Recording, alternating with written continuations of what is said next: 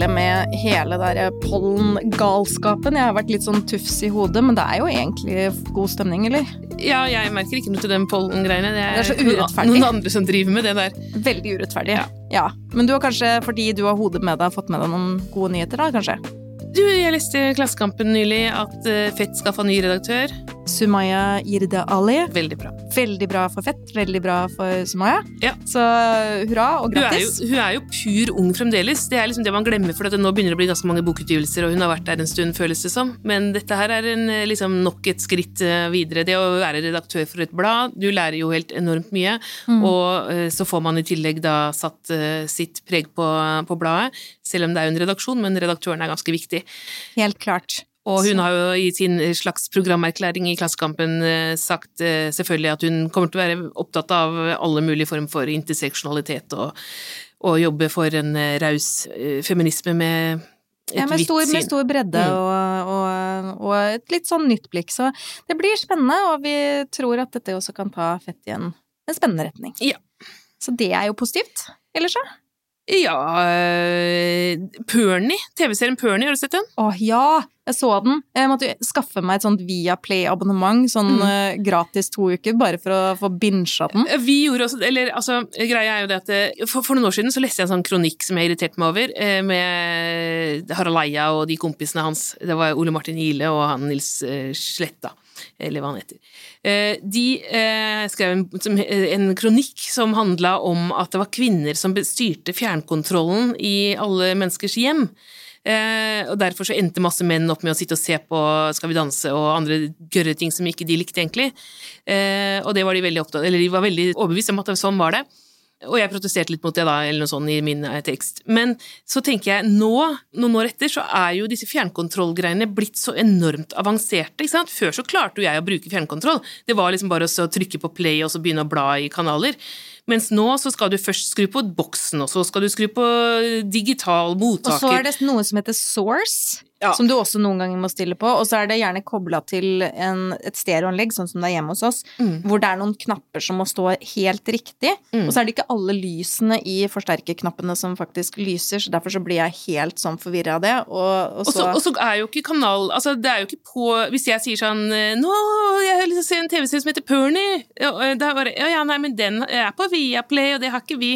Og jeg bare Hæ, har vi ikke? Hvorfor har vi ikke det? Nei, men vi kan ikke ha alle sånne ting, da, liksom. Nei, Hvis vi skal betalt for alle abonnement på alle streaming For det første så hadde vi jo aldri fått gjort noen ting annet Nei. enn å se på TV. Så det Men det er jo veldig provoserende når det kommer noe nytt, og så er det på en eller annen eh, som ikke man har, da. Og alle snakket om det! Ja, så, og derfor så, så, så fant jo mannen min da Han er jo teknisk geni, syns jeg, i forhold til meg i hvert fall. Og, og, og, og dermed så klarte han å melde av en eh, Altså, vi sa opp en kanal. Og da fikk vi plass til den her inn i vår pakke, eller sånn da. Så da fikk vi se uh, Pernie, hele serien. Måtte forte oss, da, fordi vi skulle ha tilbake den andre kanalen. Og så var det bare å kaste den ut igjen og få tilbake den andre. Det var jo helt eh, glimrende. Ja, men nå har jeg skjønt at Viaplay har en sånn cunning plan, fordi at nå driver jo de og produserer spennende TV-serier i ett sett. Og så var det jo denne nyheten fordi at ja, Pernie Alle snakker om den, det er så velfortjent, og Henriette Stenstrup, som da har skrevet eh, manus og spiller hovedrollen, hun er helt magnificent. Jeg har jo alltid vært stor fan av Mm. henne. Hun er Synes hun er dritkul. Uh, og nå har jo nyheten kommet, og det var det som egentlig var den positive nyheten her, da. Mm. At det kommer to nye sesonger Ja, av det er veldig bra. Ja. Skulle bare mangle. Så, så Og så den andre nyheten. Det er menn som har tatt over kontrollen på TV-en, for vi skjønner faen ikke hvordan man gjør det lenger. Nei, akkurat nå. Frem til jeg fikk meg smart-TV, da. Mm. Den nye smart-TV-en, den skjønner jeg. Men jeg kan ikke det er Jeg fortsatt, som Får fortsatt smart. ikke lyd i den. Hvis jeg ikke har alle knappene riktig. Jeg er ikke smart nok for de smarte eh, tingene. Men uh, en annen ting eh, Det er kanskje ikke, jeg vet ikke om det er noen positiv nyhet, men uh, i disse dager så er jo svenske Sissi Wallin i Norge. Ja, i retten. Og i retten.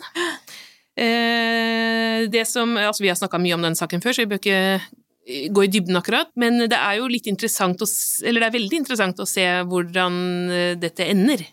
Det er det. Og det som skjer, er jo det at Fredrik Virtanen har da saksøkt Sissy Wallin, ikke bare i Sverige, men også i Norge, og også saksøkt hennes norske forlag, Memo forlag, Mm. for at de har utgitt hennes selvbiografiske bok. Og i seg selv så er jo det det vi har snakka om tidligere, er jo sant, det voldtektspolitiske i dette, liksom, og, og, alt sånt noe.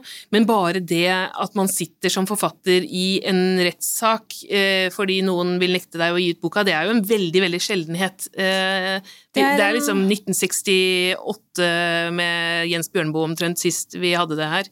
Det er lenge siden det har skjedd, og så er jo Osen Seierstad, da. Det var ja. jo også i retten. Det er klart, men her er det jo det som er caset, og dette er jo en ytringsfrihetssak, mm. er jo det at han omtaler eksakt det samme som hun omtaler i sin bok.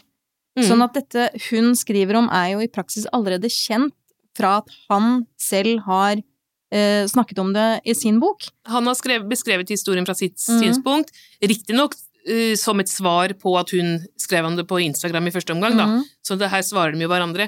Men ingen av dem bruker navn Altså, det er jo bare helt sånn idiotisk, egentlig, da. Men, alle vet jo hvem er. Alle vet hvem det er, men, men allikevel så er jo det et grep for å på en måte Det er jo veldig, veldig bevisst gjort at man styrer unna navngivning, da. Mm. Men eh, det blir jo på en måte litt sånn eh, Ja, det blir prinsipielt viktig. Det er en veldig prinsipielt viktig sak som vi er spent på hvordan utfallet blir, at det kan jo rent sånn Hvis alt går Fredrik Virtanens vei, så betyr jo det at man får en, eh, en juridisk presedens på det at du kan som anklaget fortelle din historie, men som anklager ikke. Ja. Og det er jo det som Så vi, vi sitter på nåler litt og venter mm. på den mm. Eh, saken der, og, og, anbefaler at alle følger med. Apropos Fredrik Virtanen, eh, som jeg, vi også har prata om før, for jeg har jo lest en bok av hans da, som er eh, var jo helt rystende, egentlig, for at han eh, det er jo et forsvarstale for seg selv hvor han fremstår som en drittsekk. Altså, jeg kan ikke skjønne at det går an å skrive en selvbiografi hvor hovedpersonen kommer så dårlig ut av det, liksom. Så det er på en måte Det er nå én ting. Men jeg satt og leste på Jeg var hos frisøren i stad.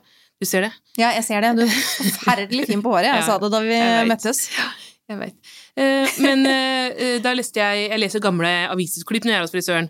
Eh, for det er jo en gyllen anledning til å få lest ting du ikke har fått tid til å lese. Og nå satt jeg hjemme, så var det en sånn bunke som det her inni klesskapet mitt. Og det er en stor bunke, hun viser det med hendene nå. Ja. ja. Med klipp som jeg ikke rakk å lese i 2014. Å oh ja, så eh, skikkelig tilbake. ja. du, du, har kommet i, tilbake i arkivet nå, ja, altså? Ja, og da tenkte jeg søren, må jeg prøve å få lest de 2014-klippene. Og så var det en del av de som ikke var helt relevante lenger, så jeg sorterte ut, og så tok jeg med meg en bunke, da. Og deriblant var det et intervju med kona til Fredrik Virtanen, og dette var jo lenge før denne Sissy Wallin-saken dukka opp, så da var hun fremdeles liksom lykkelig gift med den prestisjefulle altså, kulturmannen eh, i Aftonbladet. Men Carolina eh, Ramquist, hun er forfatter, og jeg har fulgt henne helt siden råtekst- eh, eller eh, Fittstim-tiden. Mm. For hun skrev i boka Fittstim i 99. Var musikkjournalist på den tiden, og det er hun som også hadde dette berømte brevet fra Ulf Lundell, hvor hun liksom outa han som sexist. Altså var, mm. Hun blei kjendis umiddelbart i Sverige på den tida.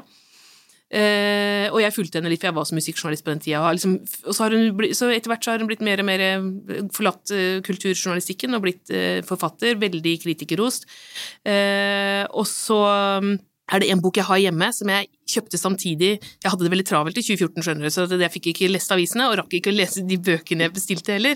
Men da bestilte jeg nemlig denne Carolina Ramquist sin mer eller mindre selvbiografi, det også, Alltings børjan. Mm. Og den har ligget ulest i hylla mi, eh, og den skal jeg lese nå. Eh, jeg gleder meg veldig. Eh, så jeg ble så inspirert av det å, eh, å ta den fram igjen. Den handler jo om 90-tallet eh, og hennes liv som ung på 90-tallet. Og så er det så morsomt, for den begynner med Hun blei jo født på skjerm. Fordi at mora hennes var kvinnesakskvinne og ville liksom lære folk Eller det var sånn pedagogisk materiale, da. Og dermed så selve hele fødselen til Karoline er på skjerm.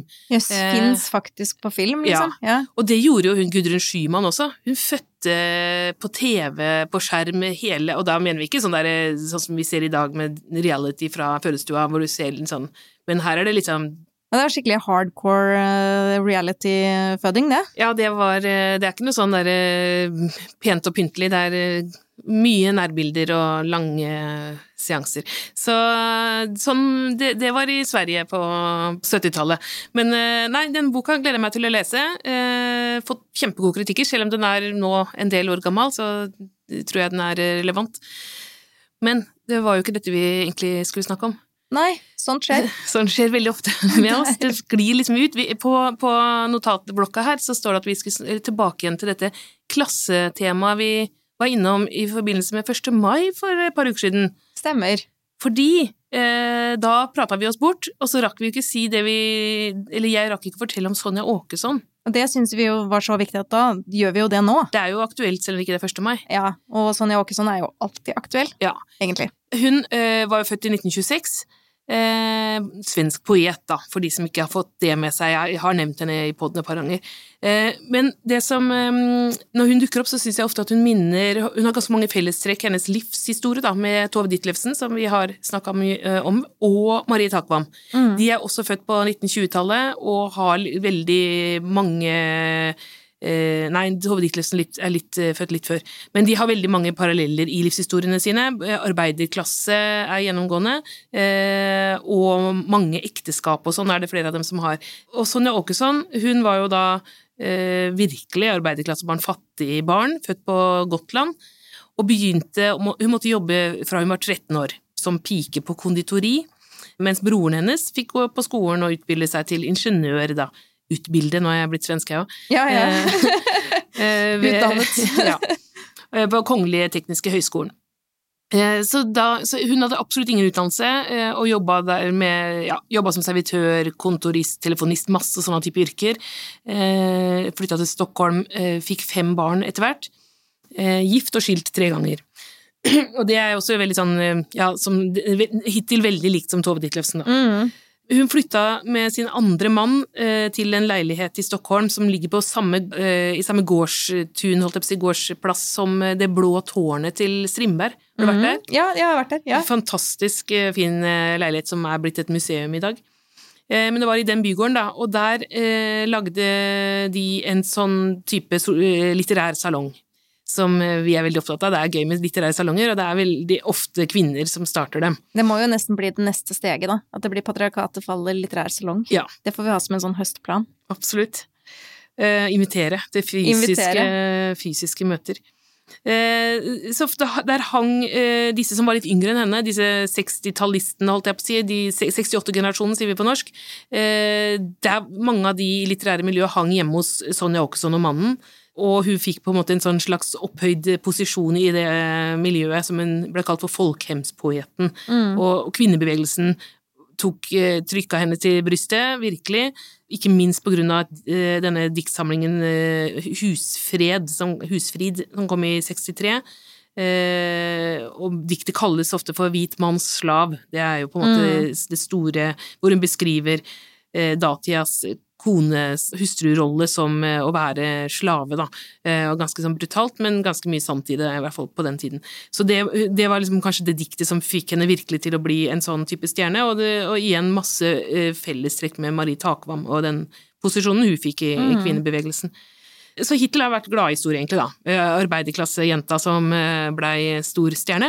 Men eh, så ble hun gift på nytt med en annen poet, han het Jarl Hammerberg, i 1970. Han kjøpte en villa, den er også kjent, den heter Vita hesten, i Bromma. Eh, ligger den. Og der starta han et sånn kollektiv som var veldig opptatt av eh, esperanto, det språket, esperanto. Åh, Eh, Ja. De var veldig opptatt av vegetarisk kost og sånn askeseform for liv, da. Eh, og, og veldig strenge regler på hvem som skal gjøre husarbeid, når og hvordan og sånne regler, sånn som det var i noen kollektiv på den tida, men det var veldig strengt her, da. Eh, det var ikke noe for Sonja Åkesson, egentlig, da, noe av dette her. Hun trivdes ikke Jeg skjønner ikke hvorfor de var gift. Triste greier. men, Hvorfor ja. kunne du ikke bare blitt i den fine leiligheten og hatt disse hyggelige salongene istedenfor? Ja, Det hørtes mye gøyere ut. Hørtes mye gøyere ut enn Ja. det der å spise grønnsaker med en uh, sur poet. Altså, dette har jeg bare fra de som har skrevet biografi om henne, så det er jo liksom spekulasjoner og sånn. Da så står det sånn kanskje var dette med å, å påvirke at hun ble depressiv, at hun mistrivdes sånn. Vi syns det er veldig sannsynlig. Ja. Overveiende sannsynlig at dette var grunnen til at hun ble deprimert, ja. Definitivt. Ja. Eh, så begynte hun å misbruke alkohol og søvntabletter, da. Eh, på denne tida her, eh, nå snakker vi rundt sånn ja, tidlig 70-tall, så var det en lege i Sverige, han bodde i Halmstad, og han het Werner Silver, Silferskjøll, og sånn, ja. Eh, han var veldig opptatt av eh, nevroser, og særlig de som kultureliten hadde. Han hjalp liksom, han var liksom sånn populær i kultureliten da, med å hjelpe dem med alle nevrosene. Eh, og Sonja Åkesson eh, kjøpte til og med en leilighet i Halmstad, sånn at hun skulle være nærme hans eh, opplegg og klinikk. Han jobba med søvnkurer. Men så var han ikke sånn kjempenøye, virker det som, for det, det, han har fått mye kritikk for det, da. Fordi at han sendte pasientene bare Først så var de gjennom en sånn voldsom søvnkur, jeg vet ikke helt hva det går ut på. Å sove? Ja, Ja, men ikke dopa de sikkert det. ned sånn Ja, at de sov. Sikkert Men, noe sånt. ja. Kanskje med noen hallusinasjoner eller, eller jeg aner ikke. I hvert fall så var det eh, mye medisinbruk, og så sendte han dem bare hjem uten terapi, da, uten at de snakka ut. De bare, alle ble sendt hjem etter en sånn søvnkur. Og dette gjorde at mange, i hvert fall Sonja Åkesson, står det her, følte seg dårligere og dårligere, eller blei bare verre av dette. Og dette er skrevet en egen bok om brevvekslingen mellom eh, legen og Sonja, da. Eh, Vi ses, 1975. Eh, gikk nedover og nedover, eh, og så fikk hun eh, leverkreft, eh, som de tror da var på grunn av dette voldsomme misbruket. Av piller, ja. Døde 51 år gammel. Eh, så det var liksom sånn, det er slutten, da. Eh, trist, men eh, det sto ikke i denne lange artikkelen som jeg leste her. Men jeg kan også huske at hun hadde en sånn ung elsker på slutten der.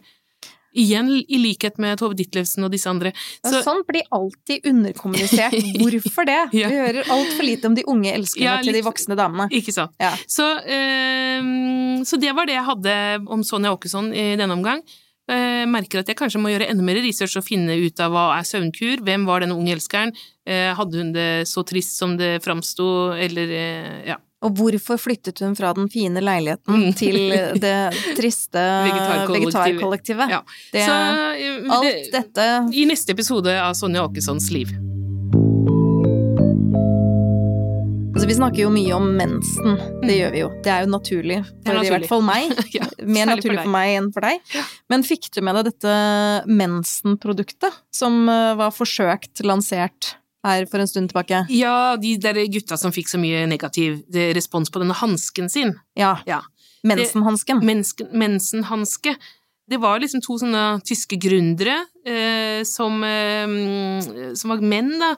Eh, som hadde bodd De sa de hadde masse erfaring med kvinner, de hadde bodd i kollektiv med kvinner og, Og eh, vært vært- gift. Jeg hørte vært. vært, vært ikke, ikke var, er, Ja. men vært. Ja. Ja, det står det, jeg vet ikke. ja. Eh, Men i hvert fall så hadde de da sett at det var mye mensprodukter i søpla, syns de, og at det lukta vondt og var ekkelt og sånn.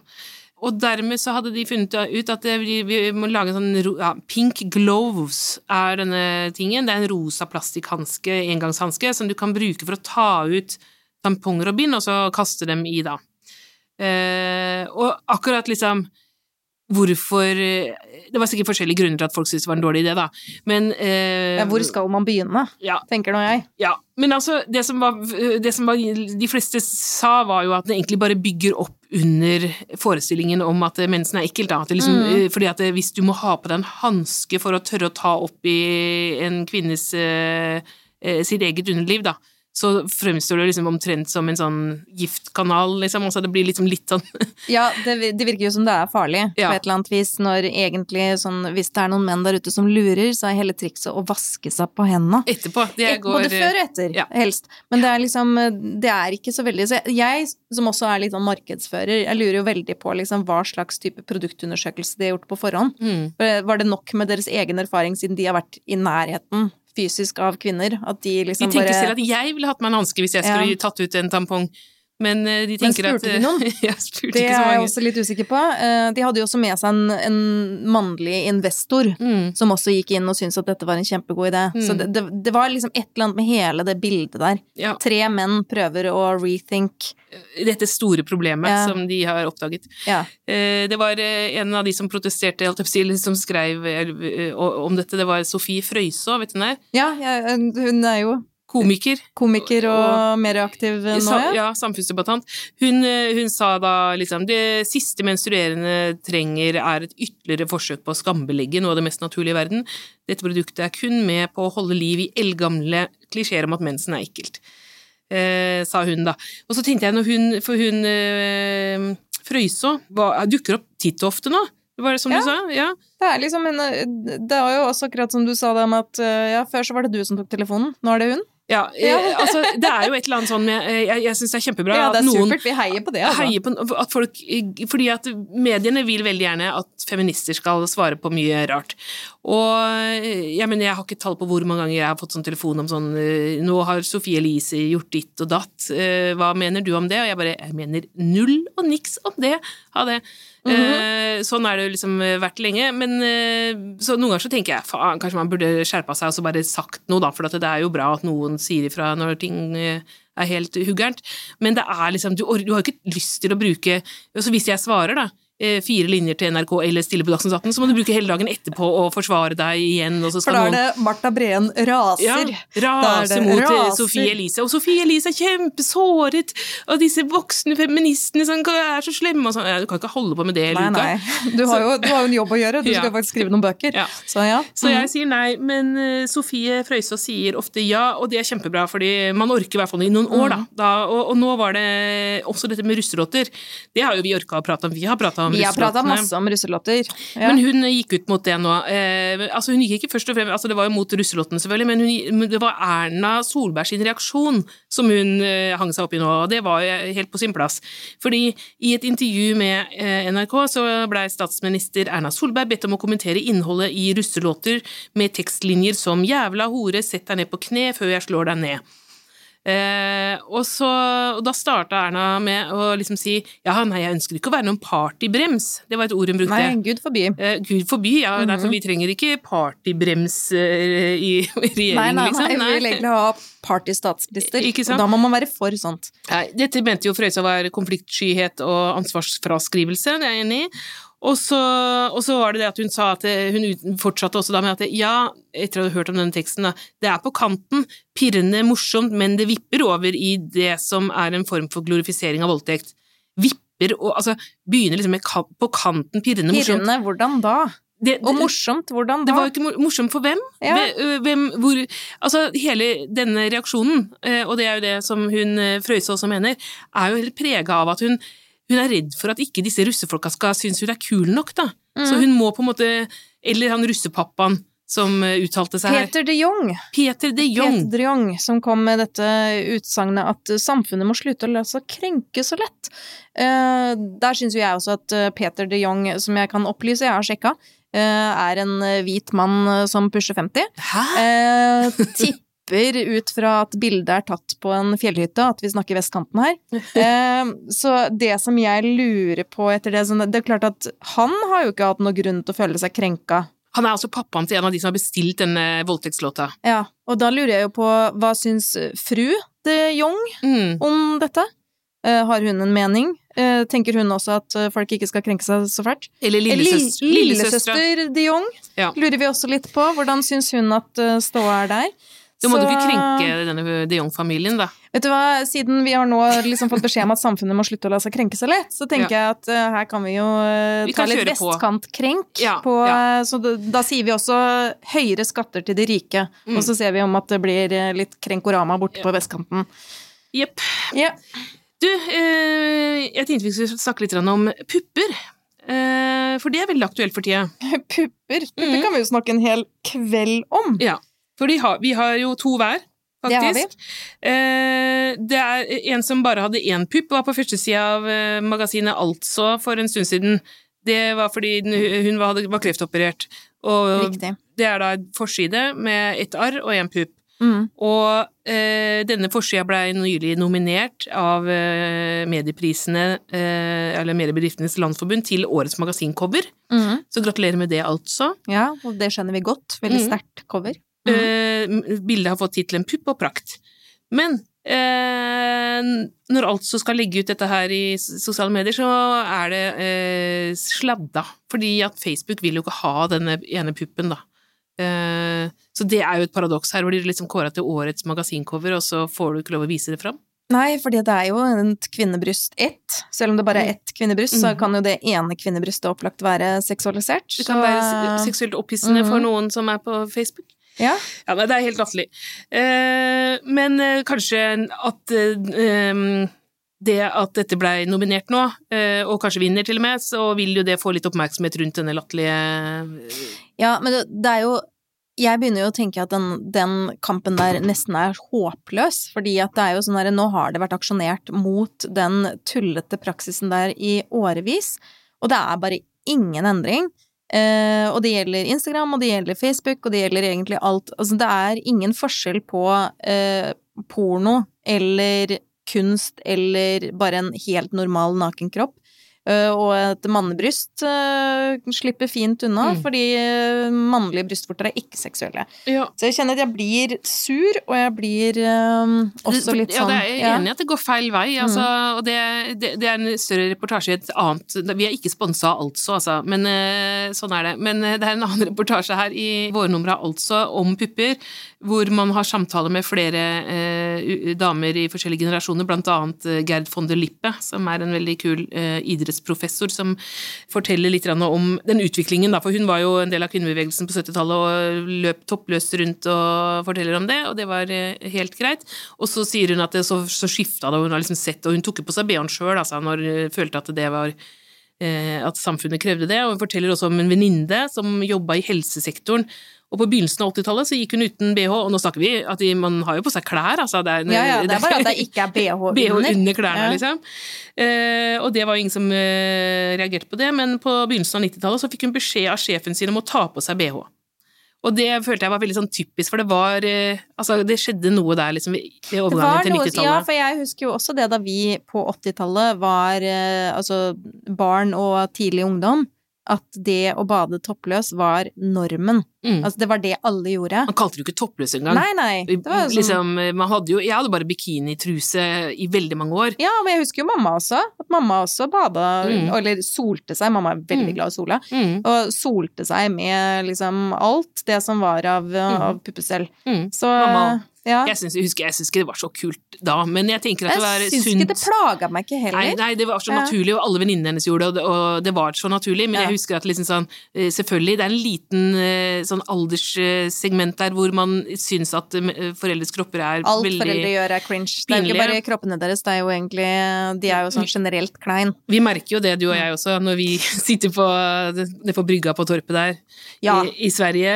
og vi pleier å være der i et par-tre helger i året året, og når det er sol, så tar jo vi av oss det meste. Ja, det gjør vi. Eh, eller vi beholder truse, da. Ja, men, altså, vi, men vi, soler toppløs når vi sitter nede ved vannet på torpet. Ja. Eh, vi sprader jo ikke rundt oppe på torpet toppløs, det, det, skjer ikke. Og så har vi masse unger mellom til sammen liksom seks, eh, da, som noen ganger er der. Altså noen ganger de der naboungene er der, og noen ganger er det åtte unger der. Mm. Og de det er noen ganger de liksom sånn, i hvert fall i begynnelsen, sånn ti minutter, så, så er det noen som er litt sånn, kikker litt sånn å ja, pupper. Og så etter eh, Så går jo det over, og så er, det, tenker jeg at da er det veldig bra. Det er det. Fordi da får de se at eh, vi slapper av med det, og så pleier jeg å ta på meg når vi skal spise, så ikke jeg liksom, liksom har puppen opp i rømma når jeg skal gi dem mat og sånn. Men akkurat da det, det, det, skal jeg glede meg til å på et eller annet tidspunkt observere hvis det skulle skje. Ja, men det er noe med det også. Uh, Litt men, hensyn, men uh, ikke så mye. Nei. Men det er jo det med pupper i dag og pupper før, og, og også det med bh eller ikke bh, sånn som for eksempel det å slutte å gå med bøyle-bh. Mm. For meg så er det sånn derre jeg har he... Og det, det, er ikke fordi at jeg ikke nødvendigvis bry meg om hvordan, jeg, hvordan undertøy ser ut, men jeg orker ikke. Mm. Altså, hele konseptet bøyle-bh, hvem var det som fant på de greiene? Men jeg tenker jo at det handler litt om for hvis vi skal være ærlige her nå, så hadde du større pupper før. Ja. Eh, og veldig mange av de som bruker bøyle-bh, har litt større pupper. Eh, altså det handler litt om støtteapparat, jeg tror det handler litt om det. Det er litt om støtte, men samtidig så er det jo også virkelig klemme hardt inntil ja. på steder hvor man ikke trenger uh, hard metall. klemming, og ja. metall spesielt. Du, for du, du har uh, mindre pupper enn du hadde før? Ja, du òg. Jeg òg. ja, så det her er jo Så da er vi jo over på neste tema innenfor pupperi. Ja, egentlig. Ja. Altså, eh, før vi går inn på akkurat det, at vi har eh, mindre pupper enn vi hadde, så, mm. så var det debatt om dette her på Den selskapelige diskusjonsforening ja, nylig. Ja, og den kom jo fra VG, mm. hvor det var en, eh, en mann som hadde uttrykt stor bekymring fordi at hans kone nå ønsket å forminske puppene sine, og det var han helt uenig i. Og, Og han likte store pupper. han likte store pupper, helt opplagt. Og han eh, var helt sånn fortvila og på gråten, og det var veldig fryktelige greier, da. ja, og da skal man se når man leser liksom den teksten, så skjønner du jo det at det er jo også fordi at han syns at kona er perfekt sånn som hun er. Mm. Det var også Det, det, Det, er jo en fin ting. fin ja. Det er, en Det er jo fint å være fornøyd eh, med, med folk som de er, ja. Ja. Men eh, så gikk jo debatten på eh, den selskapelige eh, på svaret fra denne Bianca Smith, heter hun. Bianca Smith Ja. om hva hun svarte denne mannen. Mm. Og da svarte blant annet at det kan være jantelov. Og kvinner er litt sånn kvinner verst-holdningen. Mm. sånn at det er liksom er vi kvinner som driver og gilter andre Vi er så misunnelige på andre kvinners store pupper at vi gilter de til å krympe? Misunnelig på de store. Jeg trodde du skulle si liksom at eh, vi Altså, jeg kan være enig i at eh, kroppspress med Altså at hun kanskje ville ha mindre pupper fordi det hadde andre damer, men eh, du mener at folk Ja, vil at de med store pupper skal ta eller at de Var det det hun skrev? Ja, du skrev at det var liksom misunnelse. Ja, var liksom At det andre kvinner hadde pressa henne til å ta ja, og gjøre puppene mindre. liksom eh, At hun Ja, at det Ja. var Så det, Jeg det var husker, jeg, jeg husker jeg skjønte ikke den diskusjonen. Jeg synes det var veldig rart. Jeg har aldri, aldri noen gang hørt om at noen kvinner har vært misunnelige på store pupper og der, derfor prøvd å få noen andre til å gjøre dem mindre. Nei, det var Nei, rart. aldri hørt om. Og de eneste jeg har hørt om som har eh, forminsket puppene sine, blant annet meg, er jo folk med ryggproblemer, eller som har veldig store pupper som er veldig tunge, Mm. veldig mye i veien. Og det er jo eh, Og jeg må jo også si hva min egen erfaring var jo Hvor mye altså, tok du bort? eh, En halv kilo per pupp. Jeg også. Ja, en halv se. kilo per. Så vi har tatt bort én kilo pupp hver. Så det er to kilo pupper til sammen. Ja. Ja. To, to kilo pupp, altså. Ja, det, er, det er ganske mye Det kunne, vært, det mye det, det kunne vært en helt ny dame. Ja, det kunne vært liksom noen som kunne ha fått litt av det. Men det Ja. var jo også eh, For jeg har jo alltid liksom syntes at det har vært veldig slitsomt å ha store pupper. Jeg hata det. Altid. Aldri likt dem. De Mhm. var i veien. eh, De var slitne. De var, det var, er jo ikke noe fint med kjempestore pupper. Jeg aldri Nei. likt det. Aldri likt estetikken i det. Jeg kunne jo ikke kneppe en eneste Nei, ta på sånn bluse. bluse. Ingen skjorter eller bluser. Alle sprikte. Ja. Hvis ikke du skal gå opp i sånn dressmann-størrelse, ja, men liksom. da har du jo liksom armer som går ned til knærne, da. Ja, på den samme skjorta, så- hele, I tenåra så gikk jeg bare med skjorter fra Dressmann. Mm. Fordi at uh, jenteskjorter blei eh, sprikende i, i kneppinga. Mm. Og så var det det med bh-er. Måtte, eh, og derfor jeg sa det med bøyler, for jeg begynte med bøyler for jeg liksom følte at det er jo ofte de eh, de bøyle-BH-ene er ofte de kraftigste på alle måter òg. Mm. Det er de som går opp i skikkelig sånn eh, D, Ja, da er du CD og sånn. H faktisk. Og så har du breie sånne stropper, ikke sant, for at ikke det skal bli sånne søkk i, Mm. i skulderen og sånn. Så, du, så det blei sånne voldsomt svære Altså BH var et veldig stort plagg, da, som var et Mm. veldig ubehagelig plagg òg. Ja, så kunne du ikke bare gå og kjøpe Og det på en vanlig butikk heller. Det var ikke sånn derre HM Men de har jo bare sånne små trekanter og sånn, og så er det alltid innlegg. Det ligger jo alltid Ja, eh, hva de, er det med de innleggene? det skal være, for du, du skal liksom ville ha litt større.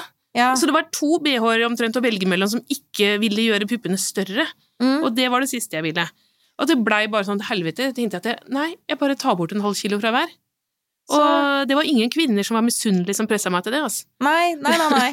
Ikke patriarkatet heller. Patriarkatet likte de store puppene, det skal jeg si. Ja, det er akkurat det har også min, vært min erfaring. Og det Bare jeg som valgte det. Det var mer at jeg syntes at det var rett og slett litt flaut og ubehagelig å få oppmerksomhet for de store puppene også, så det, Det- endte jo opp med at jeg skjulte de. At jeg liksom Sånn holdt de inn og holdt de vekk, Mm. og de gikk ikke med noen ting som var utringa.